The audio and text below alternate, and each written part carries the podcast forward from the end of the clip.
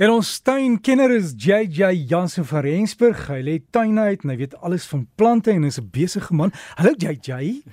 Môre môre Derek. Gaan dit goed? Lyk dit gaan baie goed met my. Dit gaan eintlik uitstekend goed. Dit is my skoonma se verjaarsdag vandag, maar Annelie, baie baie geluk met jou verjaarsdag. Laat ek dit sommer nou hierso met die voet in die deur val voordat ons nou te ver gaan. Ja, want sy het jou gesê as jy dit nie doen nie, slaan sy jou met 'n sak kompos. Ja, nee, wrag is net so. En en sy vat haar skoondogter, uh, my haar dogter weg. My my vrou. So. nee, ja, maar ek hoop sy verjaar lekker. JJ, het jy vir het jy vir haar plantjie gestuur vir die verjaarsdag? Ek stuur altyd vir haar plante so. Ja, nee, definitief. Ja, is reg. Dis hoe dit moet wees. Hoor ek nou nou 'n navraag gehad. Iemand sê hulle het uh, camellias wat wat nou die knoppe maak, die blomknoppe en of hulle kan voer met 315.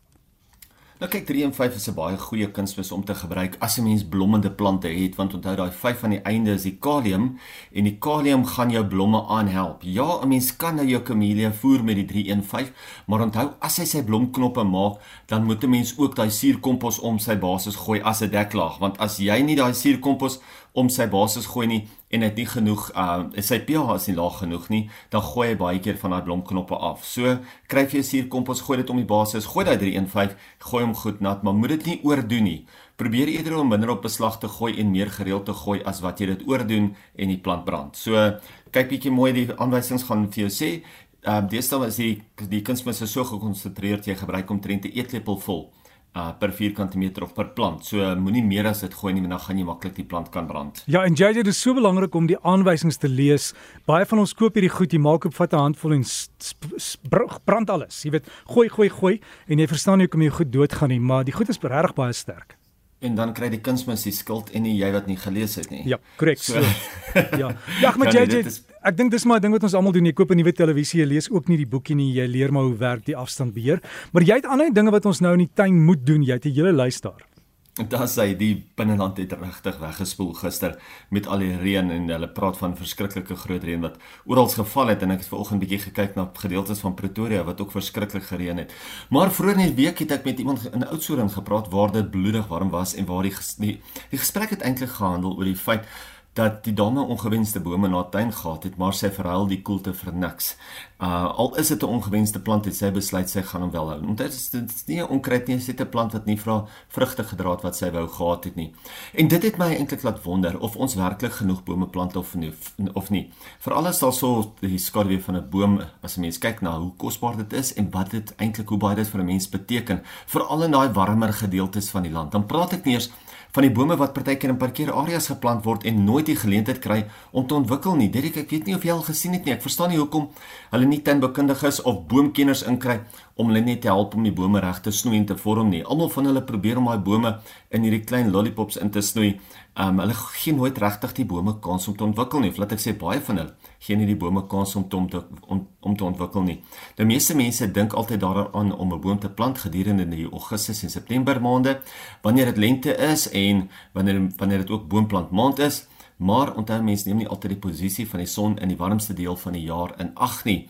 Gelukkig kan 'n mens bome dwars hierdie jaar plant omdat die boom uit 'n sak uitkom, omdat die wortels mooi bymekaar is, hoef jy nie net in die lente te plant nie. Jy kan dit ook in die somermaande plant en nou is net so goeie tyd soos enige ander tyd van die jaar. So kyk bietjie waar daai son nou jou bloedig warm is, waar hy brand, waar jy die huis bietjie moet afkoel en probeer om 'n boom daarso te plant sodat jy 'n natuurlike uh filtreerstelsel daarso aan die gang kan kry of natuurlike uh lugversorger aan die gang kan kry dat hy vir jou kan help om die area af te koel. As daar iets is wat die inperking ons geleer het, is dat 'n mens meer op jou eie vermoëns moet staatmaak en nie deur die eie groente te kweek. En dit maak nie net logies sin nie, maar dit is ook kos vir die siel. Nou geweldig baie mense het nou in die laaste 2 jaar of so vir die eerste keer probeer om selfversorgend te wees deur hulle eie kos van die tuin tot op die tafel te sit en draak nou later in die somer om die eie groente van saad af te kweek, maar met die meeste groente saailinge kan 'n mens binne 'n paar weke tot binne 'n paar maande al begin oes. Die beste raad wat ek vir jou kan gee indien jy nog nooit jou eie groente gekweek het nie, is om die grond goed voor te berei met genoegsame komposkraalmis en natuurlik beenmeel en dan kan jy na 'n kwekery toe gaan en so 5 of 10 verskillende soorte groentes te kry, groente saailinge te kry en dit te probeer. Kassies is gewoonlik 6 of 8 plantjies in 'n kassie en dan kan jy dit in die groentetuin plant en die kans dat jy suksesvol gaan wees met almal is maar baie min, maar die genot om deur die tuin te loop en jou soetsappige tomaties of jou kraakvars blaarslaai te oes en onmiddellik te geniet is baie spesiaal. Is eintlik so lekker om jou eie groentes te kweek en weet jy dis 'n manier om die hele familie ook bymekaar te kry. Dis iets wat die kinders ook verskriklik geniet. So as jy kinders of kleinkinders het en jy wil ietsie lekkers met hulle doen, gaan koop 'n paar groentesaailinge en bring hulle terug huis en plant hulle in die tuin. Dit is so lekker. Jy hoef nie dit alles net in 'n groentetuin te plant nie. Onthou, jy kan jou groentes tussen jou ander plante plant en dit is ook deesdae wat mense doen. Hulle plant miskien 'n bietjie tomaties hier so 'n blaarslaai daar, so 'n spinasie daar en so gaan jy nie net 'n groente in 'n groentetuin hê nie, maar jou hele tuin kan vol groente wees. So gaan probeer dit bietjie. Is baie lekker, baie maklik en jy maak nie saak as jy val daarmee nie. Tweede keer gaan jy dit net soveel makliker kan doen. Wat dink ons almal soek altyd plante wat net weer en weer blom en veral in die skaduwee areas en ietsie wat meerjarig is en ons plant van die week vir hierdie week is die pragtige rhododendron ankor. Nou dit is die azalia wat deur die jaar blom, nie net in die lente maande soos die ander azalias nie, net na die winter dan kom die gewone um, azalias mos uit dan blom hulle dat dit bars, maar die ankor reeks blom so tussen dwars hierdie jaar. Onthou, soos met jou camellia waarvan ons vroeër gepraat het, die azalias hou van semi-skaduwee, hy hou van suurgrond asook voldoende water is baie belangrik al drie van daai semi-skaduwee, suurgrond en natuurlik genoeg water. Gelukkig is azaleas ook lekker gehard. So al bly jy in 'n area waar dit lekker koud word, kan jy azaleas ook daar by jou plant. Maar as jy nou die ene soek wat deur die jaar dwars deur die jaar vir jou gaan blomme gee, kyk uit vir die ankor variëteit. Ag jy jy ons wil so maak en hou ons van daai lekker suurgrond en ek het nou so ruk terug getuin gesien met rhododendrons. Dis mos die groter een van die azaleas. Ongelooflik. Kyk, al die azalea se botaniese naam is 'n rhododendron, maar ja. die rhododendron soos ons hom ken, jy's 100% reg, dit is die groter ene. Dis die alpine rhododendron en hy maak die baie groter blomme, trosse blomme en hy word in baie gedeeltes van die wêreld al as 'n onkruid beskou, nê? Behalwe hier in Suid-Afrika. Hierso sukkel ons om aan 'n groei te kry. So jy's baie gelukkig om hom ergens in 'n tuin te sien.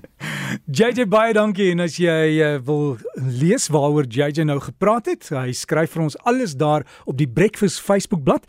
So enige tyd, jy weet die plant van die week, hy ook foto's daar wat hulle gelaai het. Gaan loer by Breakfast Beer EKFS op Facebook. Sluit aan by die groep en kry die raad en lekker tuin maak.